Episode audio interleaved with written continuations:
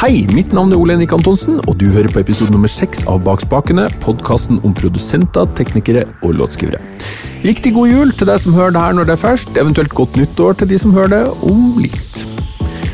Aller først så må jeg si at jeg har fått en klage etter forrige episode med Anne Judith Stokkevik. Steinar Fjell, legenden Steinar Fjell får jeg nesten si, eh, som jeg hørte på radio da jeg var liten, og som har vært artist, men kanskje aller mest kjent som bransjeperson, han ville ha seg frabedt at det hadde vært Radio Silence rundt Design fra Trondheim. Han hevder han, i kraft eh, med å jobbe for Warner Chapel Publishing, forsøkte å signe Design tidlig, men at han og Robin Jensen ikke ble enige om pris. Så da er det retta opp i. Dagens gjest heter Christer André Cederberg. Han er kjent som en av landets dyktigste og mest benytta mikseteknikere. Eh, for tre år siden så fant han ut at nok var nok. Nå fikk Oslo seile sin egen sjø. Han tok med seg familien og flytta hjem til Kristiansand. Han trengte en plass å være, og hadde tenkt seg et enkelt kontrollrom for miksing, men på veien så dukka det opp et svært studio på 250 kvadratmeter som sto og støva ned. Christer endte med å kjøpe det her, og fikk dermed relativt mye jobb i fanget. Det skal du snart få høre mye om, sammen med masse filosofi og miksing, nye verktøy, analog versus digital og masse, masse annet. Men først noen ord fra bakspakene sin gode samarbeidspartner Benum.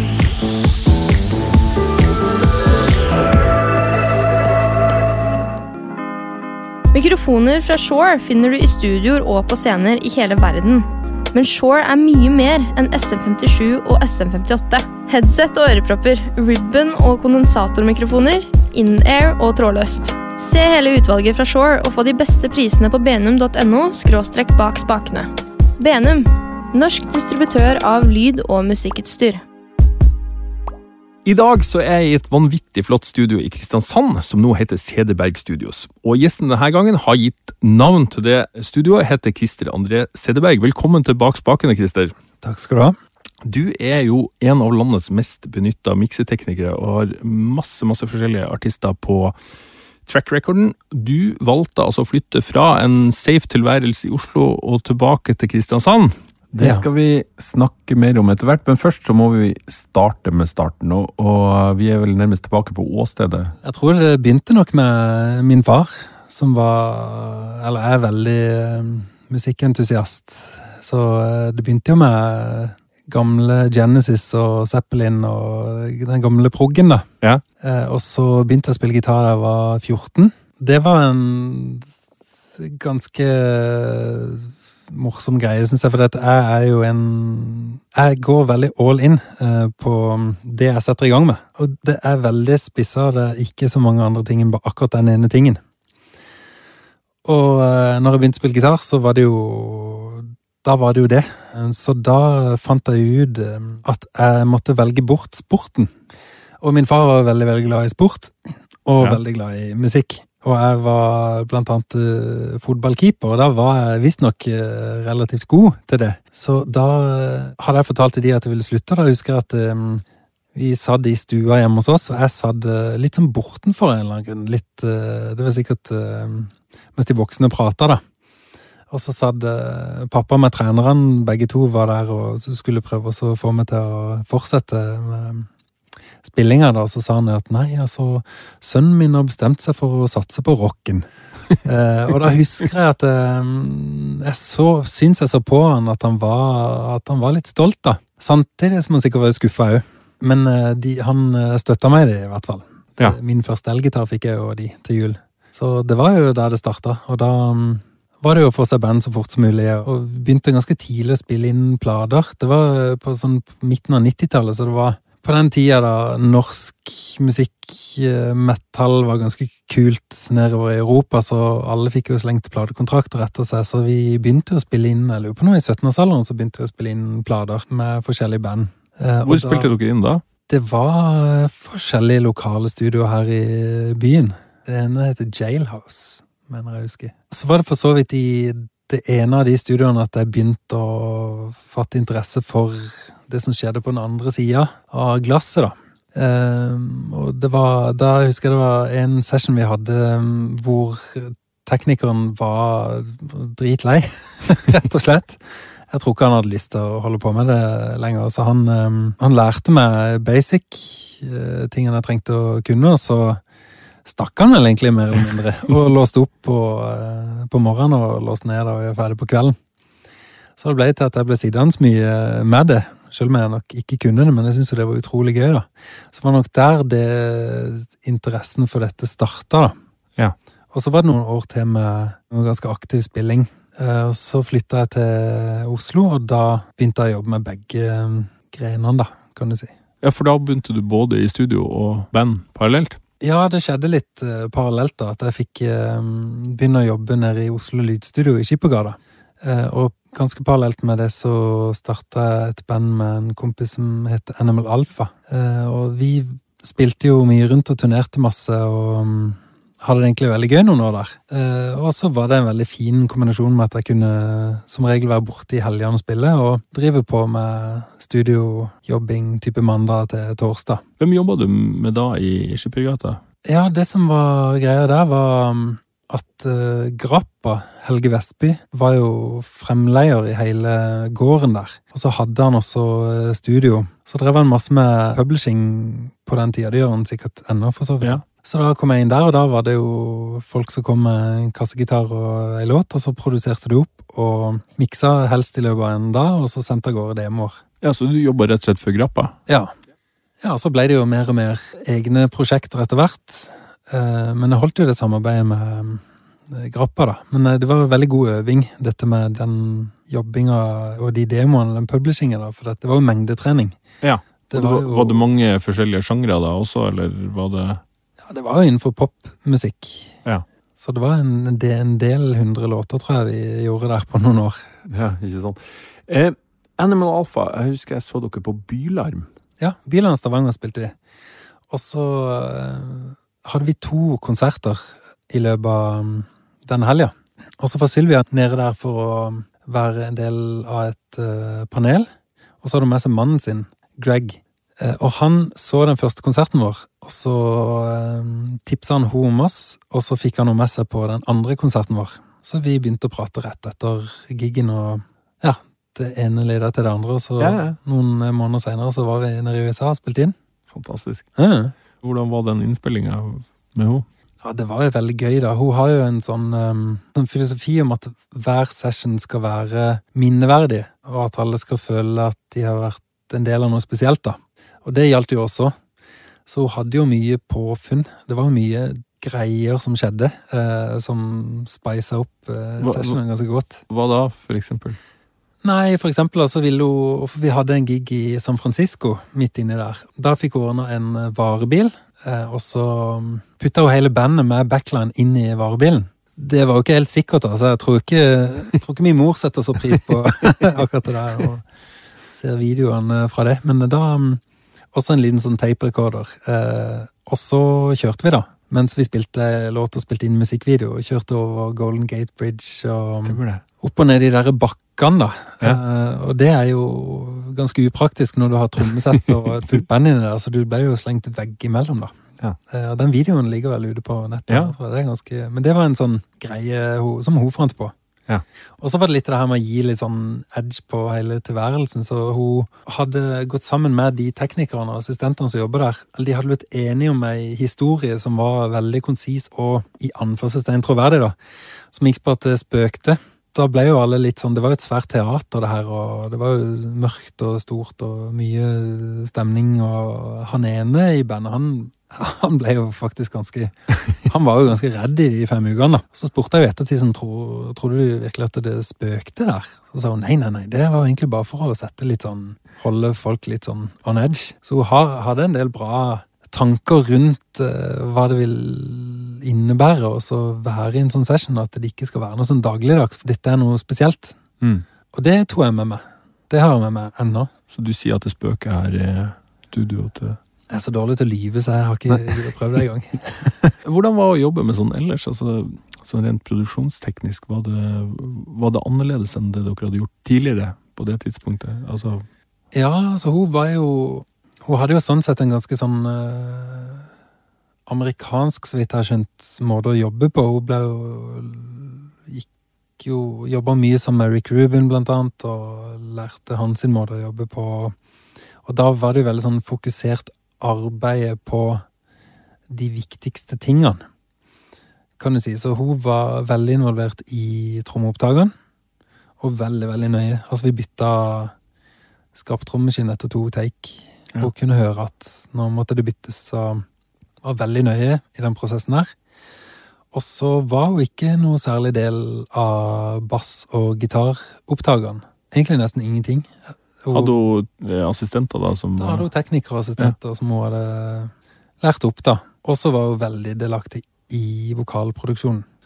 Også miksinga, så premiksa de helt opp til kanskje siste timen, og så kom hun inn og, og miksa, da. Så det husker jeg var en overgang, for hun tenkte at hun skulle være sånn hands on um, hele tida. At det kanskje var litt skuffende òg for oss gitarister, ikke sant? Men um, jeg skjønner jo hva hun holder på med. Og det gir jo på en måte mening at hun bruker tida på det hun er aller best på. Så har hun lært opp folk som For de var utrolig flinke og Ja. kjempehyggelige og super gjeng å jobbe med. Men det var litt sånn inn og ut, da. Eh, bandet det ble over, og Eller du jobba sånn parallelt da, i Skippergata. Ja. og du jobba det opp, og eh, den musikken som i hvert fall jeg tenker på, eller fra den tida der som du miksa, den var ganske mye mykere. Det var liksom popmusikk med Maria Mena, Evan Heartmaker, sånn type ting, i stedet for den det som du var kjent for. Det, jeg, jeg vet ikke om det var sånn, men, men det var i hvert fall det jeg tenkte. Det stemmer nok. Um, det som jeg gjorde Nå er det nok ganske mye mer spissa sånn sett jeg mikser. Eh, Men eh, det var ganske mange år der jeg miksa veldig mye forskjellig, egentlig. Og så var det litt sånn territoriebasert også. Jeg hadde um, litt sånn utenlandsgigger i ny og ne, og da var det, hvis det var Japan eller Sør-Amerika, så var det um, prog. Eh, Og det var basert på et par sånne prosjekter jeg gjorde. Det var et band som heter Anathema, som jeg produserte et par plater med, og miksa et par plater med i tillegg, da, som var doom metal før i tida. Så blei de litt mer De er vel de De digger nok Sigurd Ros og Radiohead og Pink Floyd, men det var lange låter, og mm, de ble altså produsert av Steven Wilson på ei plate, og da kom de inn i det prog-miljøet, de, de ble tatt imot av det prog-miljøet. Eh, og der ble det en slags referanse for meg, da, så da kom det en del sånn musikk. Det ga mer jobb. Ja, så det var ganske mye forskjellige sjangere, men her i Norge så var det nok pop og indie-ting. Ja. Jeg tror hvis en hadde sett på referansene mine så, og spilt i metal-band, så hadde jeg nok blitt eh, livredd. Men Ja. man hadde kanskje også blitt det hvis en var popartist og kikka på referansene da, fordi at det var så mye forskjellig. Men det som var veldig bra for meg, var jo det at jeg liker jo alle sjangere. Eh, Og det å kunne jobbe med så mye forskjellig og trekke mm, paralleller, men også eh, inspirasjon mellom sjangrene, det ga meg veldig mye. Og det gjorde at jeg tror hvis jeg miksa ei metal-plate, så var det ikke fordi at jeg var den som var best til å gjøre det på en måte sånn teknisk riktig i forhold til mm, den estetikken som er mest brukt, men at jeg på en måte hadde kanskje noe annet å Mm. komme med, da. Mm. Så jeg likte jo veldig godt den tida når det var mye eh, forskjellig. Men sånn som nå når det er mer spissa, så gir jo det også en del Det gir jo et litt annet fokus òg. Så nå er det nok mest pop, ja. Du blir bedre til å gjøre pop når du gjør det mye, tenker du, eller? En gjør nok det med Kanskje spesielt med pop, siden det er Jeg tror kanskje i større grad enn en del andre sjangere at det er i endring hele tida, ikke sant? Mm. Så det å holde på med det kontinuerlig hjelper en jo. Mm. Jeg tror hvis jeg hadde hoppa av i noen år og så skulle tilbake igjen, så kan det jo, jo kanskje godt hende at en hadde bomma litt på Mm. jeg vet ikke, klangbruk eller Der har du meg, vet dynamikk eller ja. ikke sant? Så du flytta opp til den gamle sjokoladefabrikken Urban Sound. Ja, um, drev ved siden av Urban Sound i Ja. uh, det innerste rommet i den uh, samme Ja. kjelleren der. Uh, Historia om hvordan jeg kom opp der, syns jeg er ganske fin, egentlig. Da må du fortelle den. Jeg går liksom, jeg sa all in på ting, da. Så jeg hadde min første dag vekke fra jobb. Jeg hadde influensa og var helt, helt ødelagt, så jeg, jeg kunne ikke dra. Og det var første gang på Jeg tror det må ha vært første gang på ti år at jeg var vekk fra jobb. Og akkurat den dagen så ringte brannvesenet meg, og så sa de at eh, nå, nå er det flom. Skal vi hamre inn døra, eller skal vi vente på det? Så da var det en eh, gedigen uh, vannlekkasje, da. Så jeg kom jo ned der, og, og hele opptaksrommet var ødelagt, og alt som var inni der. Det var jo skråtak, så alt Hele kontrollrommet og alt stæsjet der var uskada, da, heldigvis. Ja. Det var der mesteparten av verdien lå, da, men Og da ble det Det ble en sånn lang prosess at jeg måtte finne meg et nytt sted. Så da var det egentlig å bare prøve å se mulighetene. At det, ok, det her føles eh, kjipt nå, men hvordan kan en snu denne situasjonen til noe bra? Så Ja. jeg bestemte meg egentlig for at jeg skal se tilbake på det her og tenke at det var bra at det skjedde. Og det er en sånn mentalitet som jeg har hatt uh, mange ganger i løpet av livet, som jeg har trengt òg. og det ble jo mye bedre, for det studioet jeg kom inn i da, var jo et mye finere rom å sitte og mikse i. Så da var jeg der i fem-seks år. Og mer og mer stæsj. Ja, det ble jo en sånn ma- mani, det der. Det var jo helt galskap en periode. Ønske seg um, tøy og kasseroller til jul, og så bruke alle pengene på utstyr. Det Vet ikke om jeg ville gjort om igjen nå, men eh, Nei, det er nå i hvert fall gjort. det er gjort. Gjort er gjort. Det står her mye av det ennå. En del av det står Ja. ennå, ja. Og så bestemte du deg for å flytte hjem igjen til Kristiansand. Hva, Ja. hva var bakgrunnen for det? Nei, altså, jeg hadde bare lyst til å bo her. Samboeren min er fra Tromsø, eh, og hun hadde også lyst til å bo her. Jeg pusha ikke på, venta til hun foreslo det, men når hun foreslo det, så da ble jeg ganske glad. For det, det er noe jeg har hatt lyst til en god stund. Det er en veldig, veldig fin by å bo i. Mm. Så da, da gjorde jeg det. Og da begynte du å lete etter et sted å ha studio? Ja, da leide jeg jo eh, ganske hardt noen måneder. Og så fikk jeg tips av en kamerat av meg om at han trodde det sto et studio støva ned på Lund. Og da eh, fikk jeg tak i kontaktinfoen på den som sto på bygget, da, og ringte han. Og spurte om eh, det sto et studio støva ned, og om det var noen muligheter for å kunne leie, da. Og da var han litt sånn eh, på han da, og veldig sånn Nå skyter jeg litt fra hofta, sier han, men vil du kjøpe det? Så sa jeg nei, det vil jeg ikke. Jeg vil bare leie. Jeg var egentlig ikke ute etter noe veldig store, store utgifter. Eh, Men du skal få det billig, sier han. Ja, jeg tror fortsatt ikke jeg har råd, eh, sa jeg. Så ble det en ganske lang eh, dialog da, der jeg kom ned og kikka på det og fant ut at ok, dette er en sånn mulighet som jeg bare må slå til på. Hvis jeg noensinne skal ha et sånt studio som dette, så er det, så er det nå. Mm. Og bare før vi går videre, kan, kan du fortelle litt om studioet, litt om historikken? Hvor kom det studioet som sto og støva ned fra? Ja, det er jo gammelt. Eldre enn meg, eh, faktisk. Det ble bygd i 1978.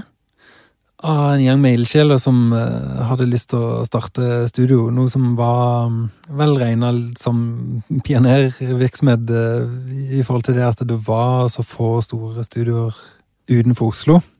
Eh, Men de dro på og brukte masse, masse penger og eh, tid og energi på det her, og bygde de Alle rommene her er jo rom i rom, og i lydblokker er det bygd av noe som er mye, mye tyngre enn Leka. Så det er, de, de mener at det er rundt 500 tonn med mur som er båret opp, eh, opp her. Wow. Og så ble det bygd på de Nashville-studioene som var på den eh, tida. Så holdt de på en stund, og så eh, klarte de å overtale en som heter Alf Emil Eik til å flytte ned fra Oslo og være tekniker. Og han etter, jeg tror det var et års betenkningstid han eh, måtte ha før han gjorde det, så var han tekniker noen år før han mer eller mindre tok over studio og gjorde eh, mye produksjoner her. Det var a-ha har jeg vært innom. Vidar Busk gjorde vel debutskiva her. og Mye prosjekter han gjorde, helt til det kom inn en fyr som het Terje med en kassegitar. Som eh, hadde noen noe låter og et sånt konsept om en sånn pirat som han hadde lyst til å videreutvikle. Ja. Og eh, det var jo da Sabeltann. Ja, og Terje Formoe. Terje Formoe. Så da begynte de å jobbe veldig tett sammen og utvikle og skrive, og da stengte han dørene for an, eh, andre prosjekter. Og så er det jo det han har gjort eh, siden, da. Og så spoler vi fram ganske mange år, og så kommer vi jo til han fyren som jeg da snakka med i telefonen. Ja. For han kjøpte opp hele bygget her. Eh, Bygget er jo på 1000 kvadratmeter, og studioet er på 250 kvadratmeter. Og han tenkte at det her skulle bli eh, kontordelen av bygget, da. Så Ja. han um, dobla husleia. De eh, klarte fortsatt å betale, og da bare kasta han de ut. Så da var den tida over, da. Eh, og så begynte han å rive, og så fant han vel ut at her trenger vi vel strengt tatt dynamitt hvis vi skal klare å få jevna det her med jorda. Så det, her- det her går ikke. Det er 500 tonn. Ja, det er, ja, det er Jeg tror hele bygget må jevnes hvis Ja. det skal vekk til studio her. Så det er jo kommet for å bli, mer eller mindre. Så det skjønte han òg, og prøvde å gjøre, lage noe kontor ut av det. Noe som, du så jo at det var et studio med noen lettvegger opp, og så han fikk jo ikke leid ut, og det ble bare stående og tømme han for penger. Så når jeg da ringte, så var han jo da veldig interessert i å kvitte seg med det. Da endte jeg opp med å kjøpe det, da, faktisk. Så det er jo en ehm, Ja, det er en fin, fin greie, ikke sant. Kapitalismen tapte for uh, kunsten. Ja, han gjorde det. Ja, det gjorde Mange av de studioene som er à la dette, de blir jo uh, lagre eller kontor eller noe sånt, men det, det skulle ikke bli sånn denne gangen. Nei, det er veldig, veldig bra. Du, det ser uh, fantastisk strøkent ut der. Jeg skal prøve å få lagt ut noen bilder på Instagram og Facebook. Eh, 250 kvadrat. Jeg vil tro at det har vært litt jobb. Ja. Jeg skulle jo egentlig bare overflate og så skulle jeg bygge kontrollrom på nytt, da. Eh, og så Noe av det første som skjedde, var at jeg innså at eh, lufteanlegget var kollapsa, og at strømmen burde byttes ut. Så bare der er vi i gang, ikke sant. Så da måtte jeg rive mm, Da måtte jeg ned til betongen i alle rommene. Det var jo heftig, ikke sant? For det er jo alene om det her, og har jo alt det økonomiske ansvar. Og, og så har jeg en mann til min mor er byggmester, og han, han og meg vi skulle jo gjøre det her, da. Eh, Og jeg fikk inn en designer som heter John Brandt til å tegne all akustikken og hele strømlayouten og luftinga og alt sånn. Eh, Og da husker jeg han mannen til min mor sa Jeg husker den telefonsamtalen som han hadde med min mor, der han sa sånn Du, den sommerferien, den tror jeg bare vi kan drite i. Så da Og da satte vi i gang, da. Han og meg, vi jobba jo Vi hadde godt over 100 timersuker um, i uh, halvannen måned til to måneder, var det vel. Men det som skjedde, var at prosjektet mer eller mindre eh, krasja gang på gang, for jeg støtter jo bare på nye utfordringer hele tida. Nytt luftanlegg koster hundretusenvis av kroner. Ja. Jeg har truffet på mye snille folk, da. Så der var det en fyr som uh, dreiv et sånt firma, som så hva jeg sto i. Og så ville han hjelpe. Så han sa ok, nå tegner jeg opp alt du skal gjøre, og så dumper jeg alle materialene inn i opptaksrommet, og så kommer jeg tilbake en gang i uka og sjekker at du gjør det rett. Så det var nok en sånn Christer gjør ting han ikke kan, sånn som var ganske mange av. Der jeg rett og slett bygde, eller satt sammen hele lufteanlegget i hele bygget, da. Ja, det virker som det har gått veldig bra, for det er veldig fin luft der. Det er veldig bra luft. Det er et sånn villaaggregat som han satte opp, da, som er ganske sånn overdimensjonert. Um. Ja, det var jo hele prosessen vår sånn, for jeg har jo kun håndverkere i familien, faktisk, i nær eh, familie, alle mannfolkene, så jeg har alltid blitt mobba fordi at jeg har ti tomler. Ja. Her måtte jeg jo faktisk eh, lære. Jeg måtte jo gjøre ting sjøl, nesten alt. Den, det var en ganske fin sånn mestringsfølelse å faktisk Ja. se at en klarte å bygge ting og holde på. Men uh, igjen altså krasja jo prosjektet i ny og ne, og jeg begynte å legge ut eh, utstyr på Finn og tenkte at nå har jeg egentlig tatt meg vann over hodet. Jeg hadde et eh, band som skulle komme inn eh, 15. eller 16. august, var det. Det var et nederlandsk band som jeg skulle produsere, og de hadde jo bestilt flybilletter og alt det, så det var en sånn uh, hard deadline som en Ja. måtte møte. Med den jobbinga som en hadde, så ble det jo ganske drøyt. ikke sant? Dattera mi utvikla separasjonsangst. eh, ikke sant? Hun ble helt Jeg dro jo på jobb i fem-seks-tida på morgenen og heiv seg rundt meg og prøvde å holde meg igjen. Og nei, ikke sant? Jeg, dette er bare en periode. Nå tror du egentlig jeg var vekke fra henne, ikke sant. Så det var mye Det var ganske tøffe tider, men så begynte det å strømme til folk, da. Det var mange som ville at det her skulle bli noe. Så det dugnadsteamet som Jeg tror det var rundt 35 stykk til slutt. Og det var folk som er- brukte opptil ti dager fulle arbeidsdager av sommerferien sin. Fantastisk. Noen jeg kjente godt, og for det meste bare musikere. Så du hadde jo musikere i forskjellige generasjoner fra byen som også ikke kjente til hverandre, som traff hverandre for første gang. Så det blei en energi som var veldig fin her. Um, men uten de så hadde det jo ikke gått i det hele tatt. Jeg hadde bare tatt meg så vann over hodet, ikke sant. Jeg bare mo moste på gutsa all in som vanlig, og så var det kanskje ikke helt sånn forsvarlig, egentlig, når man ser tilbake på det. Men um, de hjalp jo, og det, det ble jo det det ble. Og nå um, Du ble ferdig til 15. august, da, eller til den Ja, det gjorde jeg. Jeg er veldig opptatt av å holde deadlinene, så da gjorde jeg det. Da Jeg, Jeg husker jeg sjekka um, alle mic-inngangene. Bare slo på mikken og sjekka at det var lyd. Og så sov jeg i to-tre timer, og så sto jeg opp, og så var det rett i trommeopptak. Da kom jo den derre Hva er det gjort for noe? ikke sant? Du hadde jo tatt opp lån på firmaet til å kjøpe det her. Brukt ja, nærmere en million på oppussing i tillegg. Og var egentlig også sånn avhengig av at dette var et fett sted å være, og, og, at det var gode rom å jobbe i, og at det låt bra. Så jeg husker jeg var jo enormt spent første gang jeg dro opp rommikkene på det trommesettet, for hvis ikke det hadde låt helt fantastisk, så hadde det jo bare vært et stort rom. Mm. Praktisk nok det, men Eh, men jeg husker da jeg dro opp de romikene, da var det så vidt jeg felte tårer, for det var så frysning. Det låt så sykt bra. Og da tenkte jeg ok, dette var verdt det. Nå, nå bare moser vi på. Nå, nå lander vi. Mm. Like lang og fin historie. Ja. Men du, når du skulle flytte hit fra, fra Oslo, hva, hva, tenkte du med tanke på klienter, med tanke på altså, kundeliste og sånn? Var du nervøs, eller tenkte du at uh, det går bra?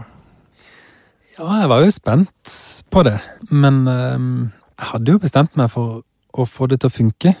Og sånn som det hadde vært fram til da, så hadde det jo vært Jungeltelegrafen. Jeg har jo på en måte aldri vært noe sånn Jeg har jo sittet inne i den gråta og miksa i alle disse ja. årene og ikke vært veldig sånn på nettverking, og, og, har bare holdt på, ikke sant. Ikke at det er den beste måten å drive business på, men det var noe det jeg hadde gjort fram til da. Så jeg tenkte at folk ikke nødvendigvis kom til å merke at jeg hadde flytta så mye på meg. Folk var jo ikke i studio heller når jeg miksa. Nei, de bare sendte filer? Ja, det var jo sånn det alltid var. Ja. Men jeg var jo selvfølgelig spent på om folk tenkte at ok, han har flytta ut, da er han borte. Men eh, jeg har ikke merka noe forskjell. Det har alltid vært heldigvis mye jobb for min del, men nå det har jo bare blitt mer etter at jeg flytta ned. Det gikk fint. Så det er veldig godt å se at man kan holde på med det her og bo der man har lyst til å bo men få det til allikevel. Det er vel noe som har blitt mye lettere å gjøre i dag enn før, men allikevel så tror jeg kanskje det, det å jobbe seg opp i et større miljø først, og så flytte ut, er enklere. Eller kan du gjøre det rett fra, fra periferien? Jeg tror det er fullt mulig, men da tror jeg du må være ganske aktiv. ikke sant? Du må reise inn mye, og du må være um, mye på sosiale medier, være, være aktiv. Jeg tror ja. du, må, du, må, nok jobbe ganske hardt, men um, det er jo en del studioer som holder på her. så... Ja, det er ganske mange fine studioer utafor Oslo nå. Men jeg tror for min del så hadde jeg nok Jeg hadde ikke tørt å sette i gang dette prosjektet hvis ikke jeg var Følte at jeg hadde rimelig stødig kundegruppe, da. Mm. Så, men jeg var letta når jeg så at det gikk bra. Mm. Det var jo. Benum er norsk distributør av studio- og musikkutstyr fra bl.a. Shore, Universal Audio og Genelec. Bli pro-kunde og få muligheten til å handle med de beste prisene på bl.a. lydkort, mikrofoner og kabler fra noen av verdens mest anerkjente merkevarer. Se benum.no – bak spakene for mer informasjon. Benum norsk distributør av lyd- og musikkutstyr. I en nerdete podkast i et eh, så fint rom som det her, med så utrolig mange bra ting, du må fortelle litt om hva du har. Ja. Um det er lett. jeg kan jo Det ble, det ble mye oppramsing hvis en skulle tatt for seg, men kanskje Det som har vært tanken, er at eh, det er veldig få sånn transparente bokser. Eh, det er mye sound, og det er noe farveklatter alt sammen. Hvis det skal være analogt, så skal det være noe som du hører? Ja, altså for min del, jeg, eh, i og med at jeg kjenner de boksene såpass godt, så kan en jo høre på et signal og så ha en eller annen sånn formening om hva som skulle funke best. Eh, på grunn av signaturen til de forskjellige boksene, at det er veldig sånn tydelig når de passer. Og når de passer, så gjør de en veldig god jobb. Mm. Så jeg har tenkt karakter hele veien. da. Altså Hver gang jeg har kjøpt inn en boks, er det fordi at den har hatt en sånn tydelig karakter som jeg syns jeg kunne trenge, eller Men det er jo klart, det tok jo litt av en ja. del år, da, sånn at uh, jeg har jo sikkert mer enn jeg egentlig trenger. Men du kan si hvis det er liveopptak her, da, der alle rommene er i bruk, og um, der du kan fortsatt ha såpass mye stæsj at du kan mikse på vei inn, da. Det er jo en fordel, merker jeg, at man kan sette sound, og at uh, musikerne responderer på et mer ferdig og typete, om du vil, eh, sound. Og jeg merker også der jeg på en måte tester forskjellig lytting på ditt, hvis du drar opp noe komprimerte rommikker som gjør noe med karakteren i rommet, eller gjør det større, så merker jeg at spillestilen endrer seg, at ting blir mer framoverlent, og at en ikke trenger å ha det tankesettet om at ok, dette blir jo bra når det blir miksa. Så når jeg tracker her, så da mikser jeg på veien. Sånn at det du synger på, det er jo Hvis du er en vokalist, så låter det fett. Så der får en mye, altså. Og så er det et eller annet med å committe, da. Det lirer jeg veldig godt. At du bare følger med avfølelsen og Bestemmer for hvordan det skal være. Ja. Du har en Aurora Sidecar med Er det 91073, eller hva er det? Nei, ja, det er um, Det en ser er veldig niv, nivish ut, de gain-switchene i hvert fall. Ja, det gjør det. Det er en som heter Jeff Tanner, som er en gammel sjefsdesigner hos Niv. Um, Det er mulig jeg tar feil, det kan hende jeg blir arrestert på det, men jeg tror Jeg mener å huske at han var med å utvikle blant annet den mikseren som står i um, Hva er det studioet heter? Superfett studio. Amper. Ja, den med, med som har sånn 1081 eh, Ja. Det lurer jeg på om han faktisk var. Ja, men så har han begynte begynt å lage sitt eget utstyr. og Det er jo, han insisterer på at det ikke er en klone eller en kopi. For det Nei. Men han, Ekun låter han har vært ganske flink til å få den til å se ut som ja, det, litt, det har ikke vært så Det var ikke så lurt av han å putte på de knottene der, hvis han Nei. ikke ville Men det er jo Mariner uh, inni der, og det er Men det er kanskje litt mer åpent, vil jeg si. Ekun låter uh, ganske forskjellig. Helt fantastisk. Hva, hva du har på EQ-en? Det er tre band, eller, hva- eller to bånd? Det er to midband, og så er det High Low Shelf. Ja, ok, så den fire. Ja, og så Ja. High Low Cut, da, i tillegg. Det er det direkte ut for hver kanal. Ja. Men i opptak så summerer jeg ofte òg at du bare mikser ned til For den miksbussen låter utrolig fint på den. Eh, Så det er ofte at jeg bare mikser ned til to spor, og så at du drar med deg ja, Hvis det er gitaropptak, da, at du drar med deg romikkene og, og committer der, da. For den har definitivt et sound, den miksbussen. Så jeg pleide jo å mikse mye gjennom den før. Ja. Før når jeg miksa med analogt utstyr, så var jo den det, det er nok den jeg savner mest, for den var litt sånn at når du bare knuste på sånn at meteren sto og dirra eh, til høyre, så er det på en måte den der klisjeen om at det føltes litt som å fuske. For det, Ja. det låt bare mye feitere. Så det er på en måte kanskje det jeg savner mest av det analoge utstyret, det er å kjøre miksen gjennom den. ja, for du har slutta med det, eller? Ja, det er vel tre år siden jeg slutta å bruke analogt utstyr. Ja, du bruker ingenting på Nei. Det, det var litt en prosess.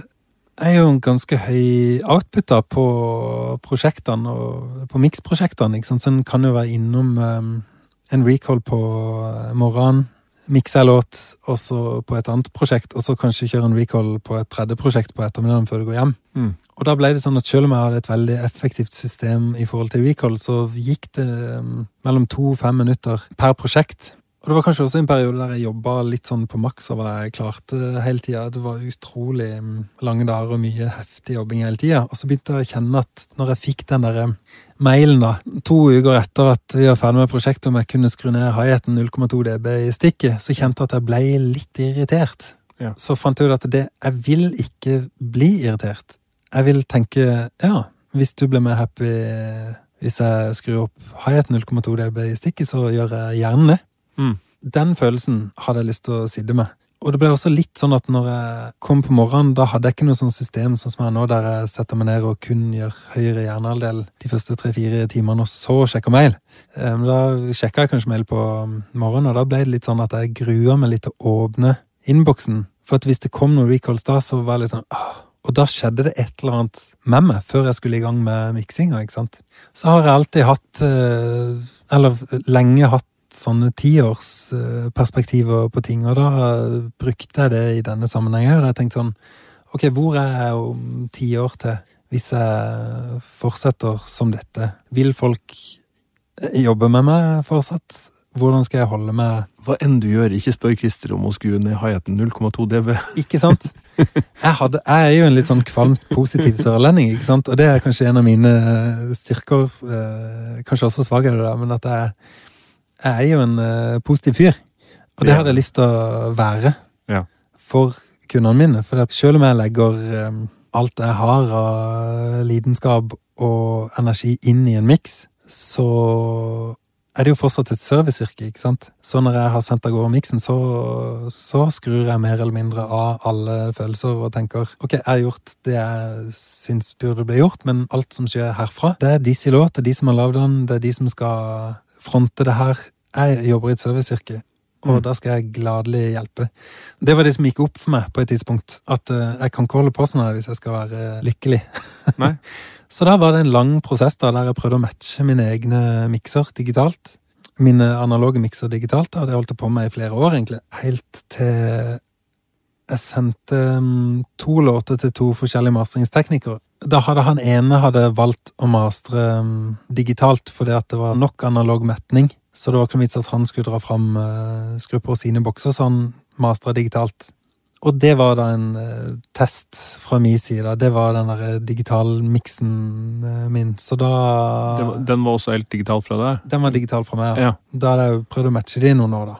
Og den dagen skrudde jeg av alt stæsjet. Så siden da, så det er jo tre år siden, så har jeg ikke miksa med noe analogt. Det høres ut som anonyme alkoholikere møter siden Ja. den dagen i august. Altså, jeg skjønner det veldig godt, men det er ganske vilt når du sitter og ser på alt det stæsjet, og så sier du at det er ikke i bruk eh, når du mikser, da. Nei, men jeg har det, det jeg er veldig glad for, at jeg har hatt den alle de årene med det. For det at eh, spesielt kanskje sånn som de nye Universal Audio-pluginene sånn som har på noe, er sånn samme type sweet spot og headroom. Når jeg er vant til å bruke de analoge um, boksene, Mm. og de som kommer i plug-in-format, så kan jeg bruke det på samme måte som jeg gjorde da. Og det er jeg ikke helt sikker på om jeg hadde fått utnytta de på samme måte hvis ikke jeg hadde hatt den bakgrunnen. Nei. Og så har det jo blitt ut, altså Selv når du nevner Universal Audio, de er jo utrolig flinke på å emulere hardware på en måte som de Som ingen har gjort før de Altså, jeg vet ikke når til det starta på ordentlig, men jeg, jeg tenker altså jeg tenker den generasjonen med nye 1176 og LA2, at der starta det et eller annet som var liksom i en, i en helt annen divisjon for Ja. dem. Ja, jeg husker det når LA2-en kom. Da, For jeg har alltid AB-testa da. Da AB-testa, da solgte jeg LA2-en. Ja, du gjorde det? Det angrer jeg litt på nå, men Ja. uh, uansett. Uh, det, jeg husker jo at det var et sånn Ja. turning point. Sånn, ok, nå. Så nå, nå syns jeg det er helt uh, topp.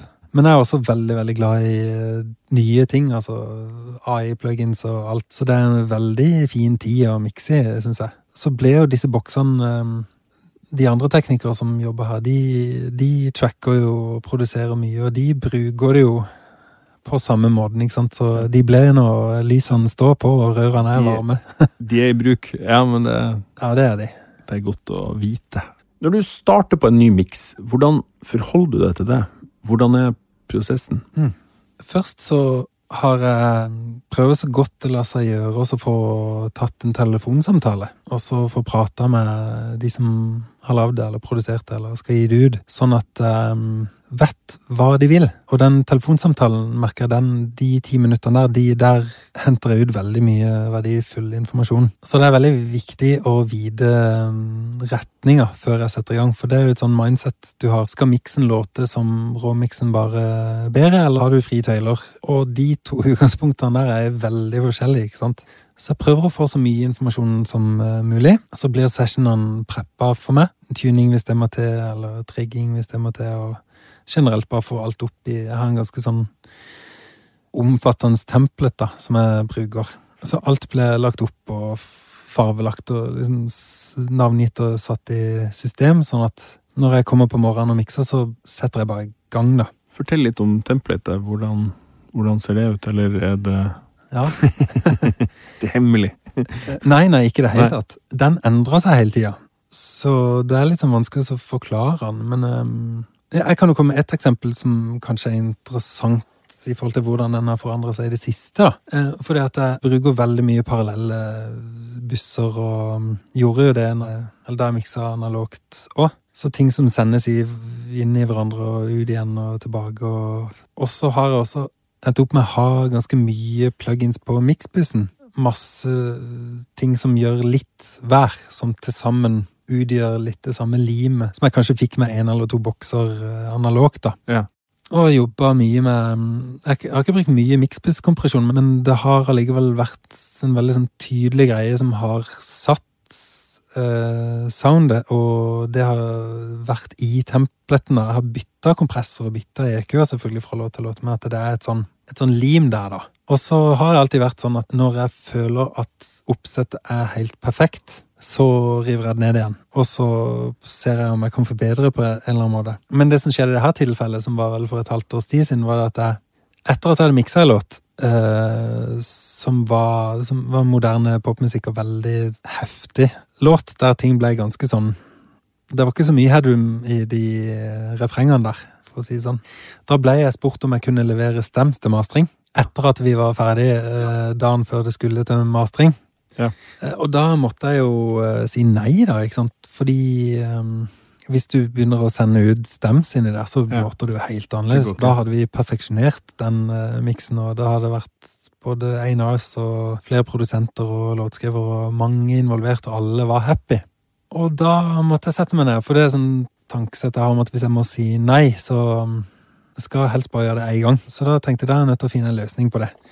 Så nå har jeg utarbeidet en template som gir meg de samme mulighetene og det samme limet, men som ikke har noe på miksbussen. Så du har ingenting på miksbussen nå, eller? Nei, nå er det ingenting. Nei. Og da er vi på noe faktisk ut av litt sånn ut av den samme komfortsona som når jeg, eller da jeg slutta med analogt, altså. Så det var en overgang. Men da har du veldig mye på, på de ulike bussene, da, eller hvordan Ja, altså jeg har på en måte Jeg har jo 10-12 stereo master, kan du på en måte kalle det, som blir behandla som jeg behandla masteren. Ok?